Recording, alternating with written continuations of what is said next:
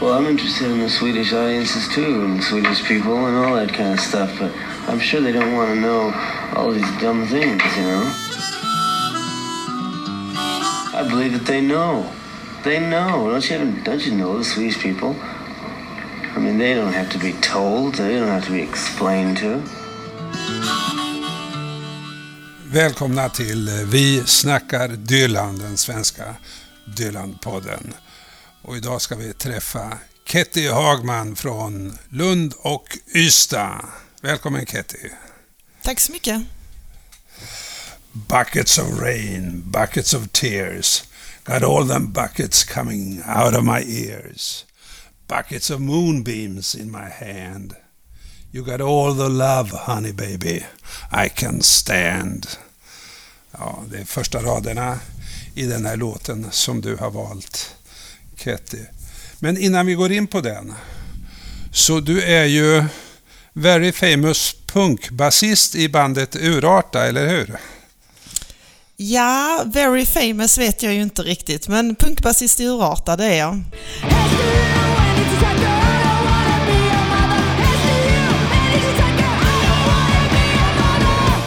Ja, nej, eh, eh, inte sådär jättekända, därför jag googlade lite på det där och då hittade jag en rubrik som, det var en punkkonsert i Borås som hade urartat. Så man fick stoppa hela föreställningen. Far åt helvete! Det är ert sätt att säga välkommen förstår jag. Just då. Välkommen själv. Far åt helvete själv! Och så var det en man som hette Dennis Holgersson som hade arrangerat det hela. Han förklarade vad punk gick ut på för Borås Tidning. Då sa han så här. Mycket handlar om att samhället är skit. Man ska inte stå i en skiten fabrik och jobba för en skitlön, förklarar arrangören Dennis Holgersson. Stämmer det? Är det, är det definition på punkmusik? Där? Uh, ja, alltså definition på punk, det finns ju väldigt många definitioner på punk kan man säga. Det finns en annan fin podd som heter um, Döda katten podcast som handlar, där just punkare eller punkmusiker blir intervjuade och då är det en standardfråga i det programmet som är vad betyder punk för dig? Och det är jättespännande att höra för att det finns väldigt eh, liksom, personliga beskrivningar på vad det är var och en eh, tycker att punk står för, för just dem. Liksom. Men ofta handlar det ju om det där att gå sin egen väg, göra vad man vill, eh, inte liksom bli inbjuden till saker utan ta sig för saker på, på egen hand. Att man eh, kanske inte behöver vara så himla duktig musiker men man gör ändå sin musik och så här liksom, eller att man drar ihop spelningar. Det här som kallas DIY, do it yourself-andan är ju jättestark i punken. Okej, okay. och är det det som drar dig till den formen av musik? Absolut. Det, och, och, har alltid gjort. Liksom. Ehm, att den har ju alltid varit väldigt, tycker jag, experimenterande. Att många band har ju börjat som punkband och sen har de utvecklats i många olika, många olika vägar. Men att man börjar där någonstans. Man bara börjar med något, det man har liksom. Och sen så och sen utvecklas man liksom. Och sen vissa eh, håller ju kvar väldigt mycket i det som på något sätt låter som klassisk punk liksom. Och så, där finns ju jättemånga olika genrer inom punken.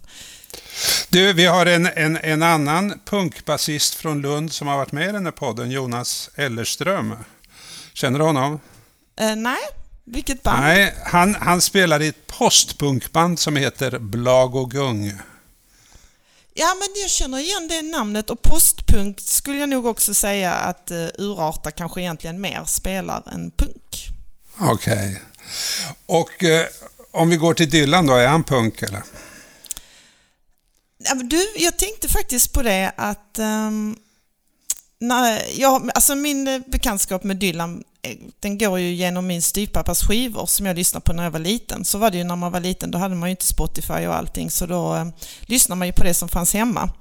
Och då hade min styvpappa ett par Dylan-skivor. Så jag lyssnade på dem då.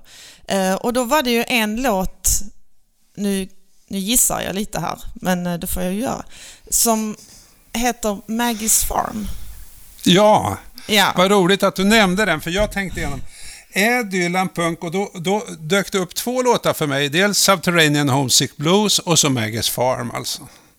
Okej, ja, den andra känner jag inte till, men Maggie's Farm som jag lärde mig när jag var liten, men jag vet ju inte om det stämmer, men att den då skulle handla om Margaret Thatcher. Eh, och I ain't gonna work on Maggie's Farm no more. Det, det är ju rätt Ja. likt det här egentligen som han som du citerar i början här.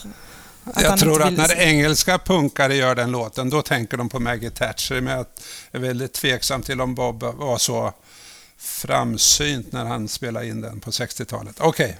Ja, den är från 60-talet! ja, du, jag jag eh, hörde ju den på eh, den eh, Live at Budokan. Den Oh, ja. live-skivan. Det är där jag har hört den inspelningen. Och den är väl typ från 80-talet, är det inte så? Den kom 75, det är från en konsert där i Japan. ja, Ja. du vet, du hör, jag har ingen koll alls. Eh, Okej. Men jag har alltid trott att den handlade om Margaret Thatcher och tänkt att det kanske var hans kommentar.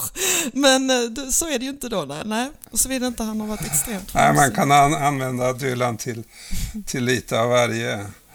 Eh, Men vad roligt att jag har tänkt det hela mitt liv faktiskt. Att, att jag gjorde, någonstans måste jag ha gjort den kopplingen eh, som Ja, ja. liten då när jag lyssnade på den där skivan och tänkt att det måste vara så här det hänger ihop. Du, jag har gjort en egen version av den där som jag har gjort, framfört några gånger. Jag tror jag säger upp mig från landstinget imorgon. Och så vidare. Ja, Ja, okej. Du, ehm, ska vi gå in på, på eh, den här låten med eh, Buckets of Rain? Varför har du valt den? Jo, men eh, alltså jag tycker om den låten väldigt mycket. Och det var ju så då att min, den kontakt jag har haft med Dylan har ju, förutom liksom på något sätt det här allmänna, att alla känner till Dylan och vet att han har vunnit Nobelpris och sånt, så var det ju min styvpappas skivor. Och så var det ju också så att min mamma hade en gammal gitarr och jag eh, ville lära mig spela gitarr, så då satt jag hemma och spelade gitarr. Eh, och eh, så lånade jag sådana här notböcker på biblioteket för att lära mig. Eh, och då, var det, då lånade jag bland annat eh, liksom en, jag vet inte vad man kallar det, notbok eller något sånt från den, från den skivan. Och då tyckte jag om att spela den låten. Så den hade satt sig. Så att eh, när du kontaktade mig och frågade om jag ville vara med i det här så började jag tänka liksom direkt på låtar. Det var den första låten som ploppade upp eh, och jag kunde den fortfarande. Eh, och så lyssnade jag på den och tänkte, ja men den är ju jättebra. Jag tycker fortfarande väldigt mycket om den. Okej. Och eh, har, du, har du prövat att spela den i ert band eller? Nej, utan det var... Alltså jag försöker komma ihåg när detta kan han, när, var i tiden detta kan vara. Utan detta var när jag gick i typ mellanstadiet, början på högstadiet. För jag kommer ihåg att jag kämpade med min mammas akustiska gitarr och sen fick jag en elgitarr. Men det, jag tror, då tror jag att jag hade slutat liksom spela Dylan. John, Leonard Cohen försökte jag mig också på att spela då under Ja. den perioden. Eh, nej, jag har aldrig spelat den i något band eller så, utan det var sitta hemma och plonka och träna lite grann. Och jag, jag, jag har alltid tyckt att det var svårt att spela gitarr. Jag tycker det är så jädra pilliga strängar. En bas är bara fyra strängar eller? Ja, jätteskönt. Stora rejäla strängar. Eh, Men eh, för att hålla kvar urarta, finns ni någonstans på nätet man kan lyssna?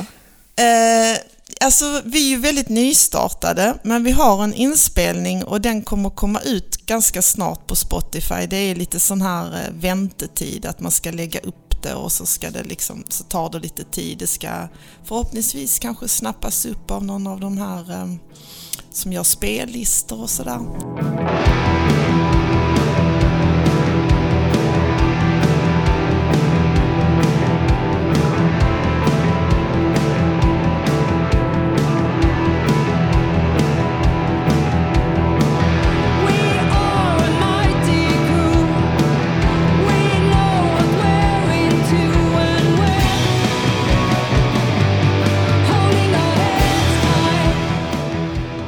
Ja, wonderful.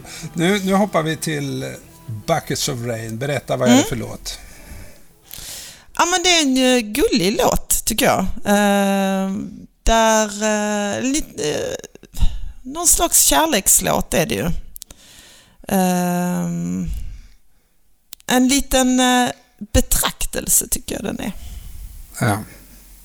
Alltså, den, det är sista låten på Blood on the Track som många tycker är en av, och kanske hans allra bästa skiva. Den kom 75. Och eh, där är ju många kärlekslåtar. Väldigt mycket handlar ju om en, en svunnen kärlek, något som inte har gått så bra. Man har blivit övergiven, överlämnad, längtar tillbaka. Det finns låtar som If you see her, say hello. You gotta make me lonesome when you go. Uh, simple twist of fate. Och, och sen den här You're a big girl now. Alltså det, det som berättaren där, det, det är ofta en vemodig ton och sen är det ju en som heter Idiot Wind, har du hört den? Alltså jag har hört hela skivan men jag får säga att de andra låtarna har inte satt sig på samma sätt. Nej, men Idiot Wind den, den bryter av mot de andra för den är liksom eh, som Dylan kan, han kan ju mobilisera hat ibland. Va? Så, så, han tycker det är för jävligt att den här kvinnan då som han är övergiven av överhuvudtaget kan andas fortfarande. Så att eh, det är hårda toner där. Men det är det ju inte i Buckets of Rain va? Nej. Den är, den är lite... Ja, du sa gullig, sa du det? Mm. Ja, det, det finns någon ton nästan utav en, av en barnvisa i den också. Mm. Det här, eh, En, gemytlig, en gemytlig ton. Ska vi titta lite på, på texten? Mm. Eh, buckets of rain, buckets of tears. Got all them buckets coming out of my ears. Alltså, man riktigt hör hur regnet forsar och tårarna forsar. Det är ingen hejd på det hela, eller hur? Och så, så kommer andra versen. I've been meek and hard like an oak. Han har varit både mjuk och hård. I've seen pretty people disappear like smoke. Friends will arrive, friends will disappear. If you want me honey baby I'll be here. Alltså det, då är han på något sätt, som jag hörde, distanserad och säger att människor kommer och går. Och han ser tillbaka. Vad tänker du om det där? Ja, men, vad jag tycker om, dels tycker jag om den här liksom rytmiska lekfullheten som finns i Buckets of Rain, Buckets of Tears, Got all the buckets coming out of my ears. Det är väldigt, väldigt fint, det är roligt och som du säger, lite som, nästan som ett barnkammarrim liksom. Humpty Dumpty sat on the wall, Humpty Dumpty, något sånt där liksom. Um, som är roligt och lekfullt och samtidigt, och så tycker jag också väldigt mycket om, det hoppade över den här när buckets, det är där, buckets of moonbeams in my hand. Ja, visst. Ja, Ja, vad är det? Nej men det, det, är ju, det är ju orimligt. Man kan ju inte ha spannar med månljus i handen. Men det är en, det är en jättehärlig bild eh, av liksom något omöjligt, något flyktigt. Eh, en jättestark känsla som samtidigt är orimlig och flyktig. Liksom. Eh, som ju, jag tänker att den typen av kärlek är. Liksom. Ehm, och, och, sen, och, och där sjunger han väl också äh, någonting med eh, I love you more than I can stand eller någonting sånt. Eh, ja, you got all the love, honey baby, I can stand. Ja, just det. Att, att liksom... Ja, men det, det är verkligen det totala på något sätt. Liksom. Men jag gillar den, den leken och det tror jag var det som fångade mig väldigt mycket när jag eh, spelade den låten när jag var li, eh, liten då och att jag tyckte att den var rolig just i det här den roliga leken med orden och med bilder. När man får de här bilderna i huvudet, hur ser det ut att ha en, en spann med månstrålar i handen? Liksom. Det finns en tidig, en tidig låt av Dylan som heter I threw it all away, som är också, kan man säga, en lite så här sorgsen betraktelse. Och där sjunger han Once I had mountains in the palm of my hands. Ja. Och så kommer I threw it all away. Mm. Alltså en slags ångrande tillbakablick. Där. Ja men det är fint, alltså det är en väldigt fin bild med det där med att man har någonting i ens hand som man inte kan ha. Liksom, för att beskriva något sinnestillstånd. Och jag tycker också att nästa, den versraden där I seen pretty people disappear like smoke. Det tycker jag också är, um, alltså att det är så mycket, det är känslor ju. och de är ju så förgängliga. De är så starka och samtidigt är de ju inte där. Det är ju liksom en laddning som uppstår i stunden och sen kan försvinna. Ehm, och jag tycker han beskriver det tillståndet så väl. Liksom, av att något, både att det, det här, han är mjuk och han är hård. att, att, ehm, ja, att det, det både är där och inte är där på något sätt. Och sen i, i tredje versen då, då är, då är han ju I like your smile and your fingertips. I like the way that you move your hips.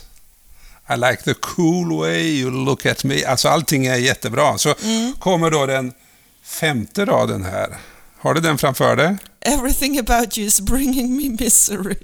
Is bringing me misery. Vad är det här för någonting? Ja, detta, är, detta tror jag är min favoritvers och den jag verkligen minns. Ehm, ja, men jag tycker den är härlig, jättehärlig. Jag tycker den verkligen beskriver ehm, den känslan av att, ehm, som, som man kan vara i, i förälskelsen, att man, liksom, man är helt betagen och samtidigt vet man någonstans där i bakhuvudet, det här är inte så bra för mig. Liksom. Att, det där suget liksom, och att ehm, Ja, men alltså det som också beskrivs tidigare i, i låten där med att det är känslor, de är flyktiga och vad är det egentligen liksom? Är det här bra för mig? Det är ju frågan liksom. Är det bra att ge sig hän och bli liksom så förlora sig på något sätt? Det, det är det väl sådana här rader som skiljer Dylan från mainstream, alltså. Eh, därför att är allting så bra, då fortsätter man så här, men så kommer plötsligt som ett nästan s- slag i magen, misery. Mm, precis, jo men så är det nog att, att eh, faktiskt har jag inte tänkt på, men om man tänker ändå mycket populärmusik så kanske man ändå liksom bara tar fasta på en känsla och det är fantastiskt eller det är inte fantastiskt. Liksom. Ehm, Men här är det ju liksom hela tiden den här, eh, det är det bitterljuva liksom, ehm, motstridigheten. Liksom. Eh. Ska du läsa fjärde versen om du har den Jag framför har, dig? du, jag har den inte framför mig. Nej, då ska Ehm, du få den av mig här. Little red wagon, little red bike. I ain't no monkey but I know what I like. I like the way you love me strong and slow. I'm taking you with me honey baby when I go. Ja, den känns ju rätt intern på något sätt. Som att det här handlar om någonting de har pratat om. Eh, eller något språk.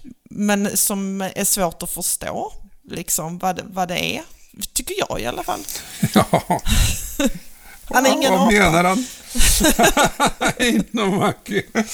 Men eh, någon nyckel till det här kan vara... Dy- Dylan han smyger ju in referenser ibland och väldigt mycket till mu- musikhistorien.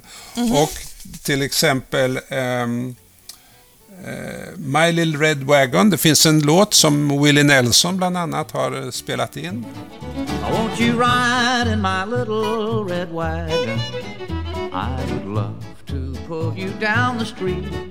Och eh, det finns en annan låt som heter Little Red Monkey som också har varit eh, populär och som var eh, någon slags, eh, vad, säger man, theme till en, eh, en spion, eh, till en spionfilm. Look at the monkey, bunny monkey, little red monkey, acting so fidgety. Look at the monkey, bunny monkey, little red monkey, cute as can be. Men alltså man vet inte vad är det som dyker upp i Dylans huvud, nå- några referenser. Men eh, här, här, här, här går han in på rött va? Som eh, Red Wagon, Red Bike och så kommer inte, så kommer ju inte Red Monkey utan I ain't no monkey. Det, det finns en, eh, han gav ju den här låten till Betty, Mi- Betty Midler. Och hon, hon spelade in den 1975 på en skiva som hette eh, Songs for the New Depression.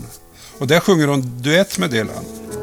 You take this verse. No, you I could never sing I know it? I ain't no monkey. I can't sing that line. Why? Let me hear you sing it. I'll tell you if you're singing or not. Go ahead. Little red wagon, little red bike. Ain't no monkey, but I know what I like. I like the way you monkey around.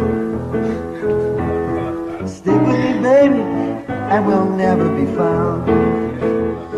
Ja, det jag kan tolka ändå om jag ska gissa, man kan ju alltid gissa, så är det ju med alla texter, man får ju gissa liksom. Det är ändå att jag tänker att, att I ain't no monkey, att det är som att vara en tränad ap, äh, apa, att man ska göra konster vad någon annan bestämmer, när han sen sjunger också But I, I know what I like. Att liksom, ja men han, han är sin egen ändå. liksom. han, han, är inte, han, han är inte hennes apa, han är sig själv. Men han tycker om när hon älskar honom starkt. Och så han I'm taking you with me honey baby when I go. Alltså det kan han ju inte. Han är ju övergiven. Hon är ju borta. Han sörjer men han... Man kan ju tänka sig att han tar, sig med, tar med henne i sitt sinne i, i, Mm. och den där lekfullheten som han kanske har upplevt. Ja. I take, det är en rätt fin rad på det sättet. Ja, I take precis. you with me honey baby when I go.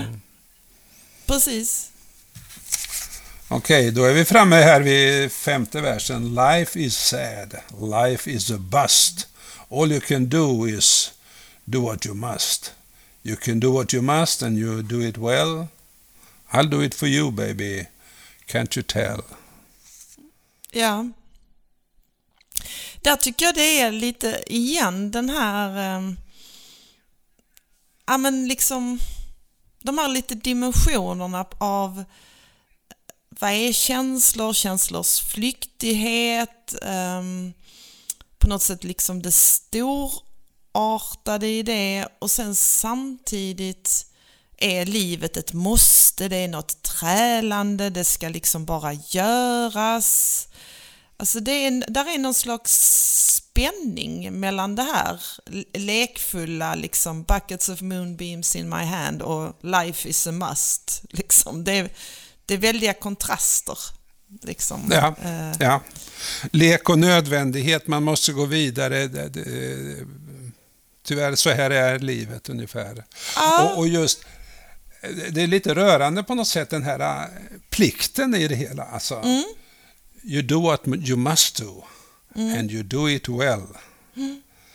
Och det kan man när man tänker på Dylan, han gör det. Han har inte haft, alltid haft tur i kärlek, men han, han gör det han måste. Ja, nej, men jag, jag tänker att det är ja, men det här som liksom förälskelsestadiet när liksom a- a- allting annat blir oviktigt. Liksom. Man kan eh, bara stänga in sig och vara i det här. Liksom. Eh, och sen så tar det ju ett tag och så bara nej, nej det går ju inte. liksom. Räkningarna ska betalas, det ska vara mat på bordet, livet fortsätter. Ehm, jag tycker det är en, rolig, en fin beskrivning av det tillståndet. Jag tycker liksom hela känslan i låten och hur han sjunger den och allting. Eh, att det går väldigt hand i hand. Liksom. Det skapas verkligen den känslan. Hur, hur eh, fungerar musiken med det här, instrumenten? Jag tycker det är jättefint och nu när jag lyssnar på den, jag har ju inte lyssnat på den här på länge, men eh, så lyssnar jag på den nu då för några dagar sedan. Och då reagerar jag på att vad fin basen är, tycker jag. den Ja, jag tänkte just det. Ja, Eller hur? den är Visst är det- visst- jättefin. För det, det är bara en ganska spröd gitarr och det är nog Dylan själv som spelar den. Så är det Tony Brown som spelar basen och det, det, det är som att de ligger mot varandra de där två. Och sen, och sen faktiskt också tänkte jag på en sak att då när jag var liten och min styvpappa spelade musik och, och sådär så var det ju så att i början tyckte jag ganska, att det var ganska dåligt. För jag var ju ändå liksom, ja men som barn att man gillar så här eh, populärmusik, jag gillar så här ABBA och Bonnie M och sånt där som alla andra. Och så spelar han då ju Bob Dylan och Roxy Music och eh, David Bowie och sånt här liksom. Och jag kommer ihåg att jag tyckte Bob Bob Dylan sjöng så himla dåligt. Jag bara så, ah gud hur kan det här vara stort? Han sjunger ju jättedåligt. För så tänker man ju när man är liten. Man tänker ju liksom att saker ska låta väldigt strömlinjeformat på något sätt. Liksom. Eh, Men den här låten tänker jag också att jag kanske har fastnat för, för jag tycker han sjunger ganska milt. Den har inte alls det här liksom lite stötiga sången, eller vad man ska kalla som man brukar ha, utan att den är ganska, den, är ganska mild. Liksom. Jag vet inte om vad du säger som känner till det Jo, här men mycket bättre. alltså han, ja men eh, jag har ju hört honom i många olika sammanhang. Så han är ju en mästare på, jag tycker att han är en fantastisk sångare, fast han sjunger Mm. på sitt eget sätt. Men också att han modulerar rösten olika. Dels är det olika epoker, men också vad är det för känsloläge som ska Mm. fram. Och, och, och jag tycker när han gör om sina låtar, så är det det är som att texten nästan kommer mer i bakgrunden och det är musiken och de små förändringar han gör i det som, som på något sätt styr vad är det för känslor som går fram här. Okej. Mm. Och, eh, så, så jag håller med dig om att den här mjukheten och, och lekfullheten som finns i den här på ett sätt rätt sorgliga skivan Blood on the Tracks, den, den, eh, eh, det skapar ett djup i det hela. Alltså. Mm. Du, det finns några covers på det här. Har du hört någon av dem? Ja, men jag var inne och letade på nätet, men det var nog ingen jag fastnade för direkt. Nej, nej. För att eh, så är det ju, har man hört Dylan så vill man kanske hålla kvar det. Men, men eh, den här låten är ju attraktiv, det är många som har gjort den och det är faktiskt två svenskar, Nanny Porres, hon är ju mest känd som jazzsångerska, hon har gjort den Mm. ganska rakt av. Buckets of rain, buckets of tears. Got all them buckets coming out of my ears.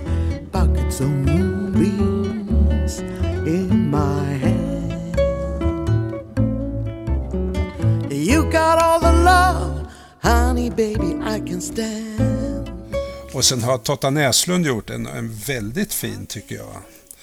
Eh, där han sjunger med sin speciella röst väldigt nära mikrofonen och det finns en slags både lekfullhet och resignation i hans tolkning. Och den instrumenteringen är rätt likt Dylans, men där har han en liten virvelkagge som ligger bakom och, och travar efter, liksom, som ger den en, en speciell karaktär, den inspelningen. The buckets of rain, buckets of tears. Got all them bucks coming out of my ears. Buckets of moonbeams in my hand. I got all the love, of a honeybee you can stand. Nu kom jag på, eh, bara nu när du pratar om det här med covers, jag tycker så mycket om eh, de här Johnny Cashs covers som han, han gjorde ju en massa covers där i slutet. Det hade varit väldigt roligt att höra honom sjunga denna, tycker jag. Mm. Ja, ja, och apropå det där med eh, den speciella Johnny Cash-rytm som han alltid Mm. har i sitt kompan som kommer och hästarna travar där bakom. Mm, ja, men också att han kan liksom alltid, jag tycker alltid att han lyckas hitta någon ny dimension i låtarna och lyfta liksom någon, någon ny aspekt av dem på något sätt. Okej. Så n- någonting mer eh, omkring det här? Som du vill tillägga? Buckets of rain. Nej, men jag, jag, jag tänkte faktiskt på en grej inför den här podden som, eh, som jag inte riktigt vet. Eh, ja, men, det kan, ja, men jag tar upp det. Eh, för jag, jag tänkte på, jag, läs, jag har lyssnat lite på din andra avsnitt och då pratar ni om det här med att, att han ofta inte kommenterar vad hans texter handlar om. Eh, och då har jag faktiskt tänkt på det i relation till eh, våra jobb. att där är man ju mycket så att man lyssnar och man modererar och man liksom tar in vad den ena säger. Alltså, man är mycket i att, att liksom vara i en dialog hela tiden. Eh, Och ditt jobb, Ketty, eh, när du inte bara spelar punk, du är också psykoterapeut, eller hur? ja, som du. Ja. Ja. Och jag vet inte, det kanske inte är något ämne du tar upp i din podd. Ja, vi kan prata om det, det är intressant. Alltså, Ja, ja men för, för mig nu då när jag har börjat göra låtar så har jag faktiskt tänkt på det att eh, vilken skillnad det är för mig. Eh, att eh, inte vara i dialog utan att vara i monolog. Att när man skriver en låt så tar man fasta på någonting, eh, en känsla eller någonting och sen framför man det. Eh, men man tar liksom inte så mycket ansvar för var det landar och man, och responsen, man är liksom inte i en dialog. Och jag har pratat med andra musiker om det här. För, det var, för mig var det en rätt liksom, speciell upplevelse. Att börja tänka, okej okay, men nu utgår jag liksom, nu är det bara jag. Vad jag tänker och vad jag känner och hur jag har uppfattat någonting. Vad jag vill förmedla. Eh, och det är in, inte så mycket inlyssnande och dialog och å ena sidan och andra sidan och så här liksom. Man kan spetsa till det lite som man vill och så här liksom. Man har väldigt frihet i det. Så det blir liksom en om man ser det som en rörelse så är det liksom bara en rörelse ut och inte en rörelse fram och tillbaka på något sätt. Så, så för en psykoterapeut så är det den perfekta kombinationen alltså att, mm. att vara punkrockare på kvällarna. Och så, där, där ger det ut. Men, mm. men samtidigt så är det väl svårt att förstå att det inte är dialog för att det du får tillbaka som artist när du står på scen det är ju lite osagt, men jag tror ju att du tar in hela tiden. Alltså. Absolut, men nu, det, nu i pandemitider står man ju inte heller på scen.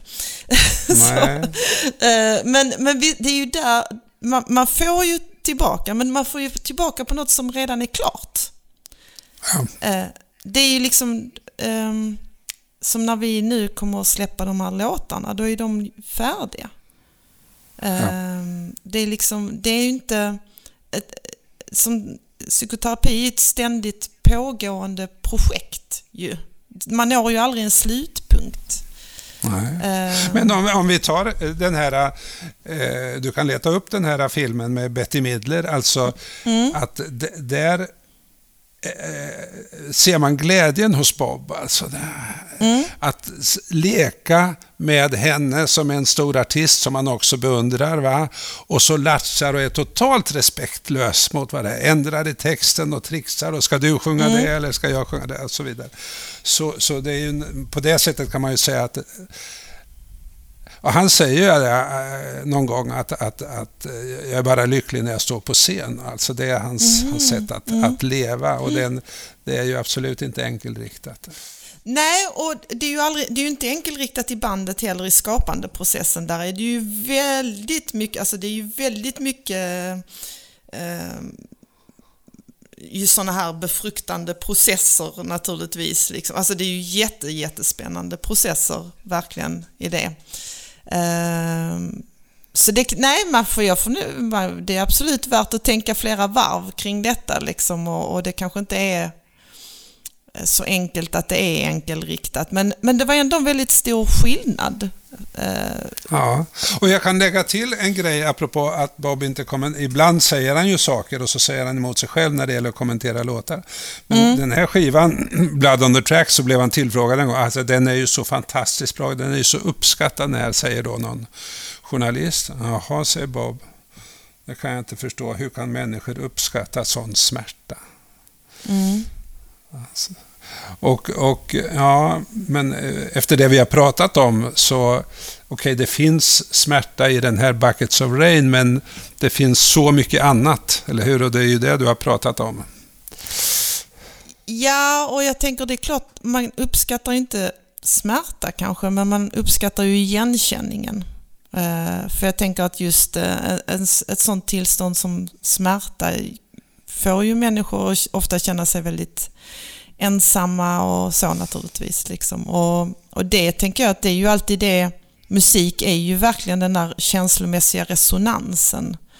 Eh, det är ju, det är ju därför musik är så häftigt. Liksom, för att det är ju, ibland, kom, ibland förstår man ju vad man känner när man hör en låt för att den ger en känslomässig resonans. Och så när man lyssnar på låten förstår man, ja men den här handlar ju om det här. Ja men det är ju det jag känner. Ehm, så jag tycker det, alltså musik kan ju vara en, en kompass till en själv. Liksom. Bra. Då ska, du, vi avrundar med det Ketty och mm. du ska ha jättemycket tack för vi har fått a bucket of moonbeams av dig idag. tack ska ja, du ha. Tack. Hej. Hej.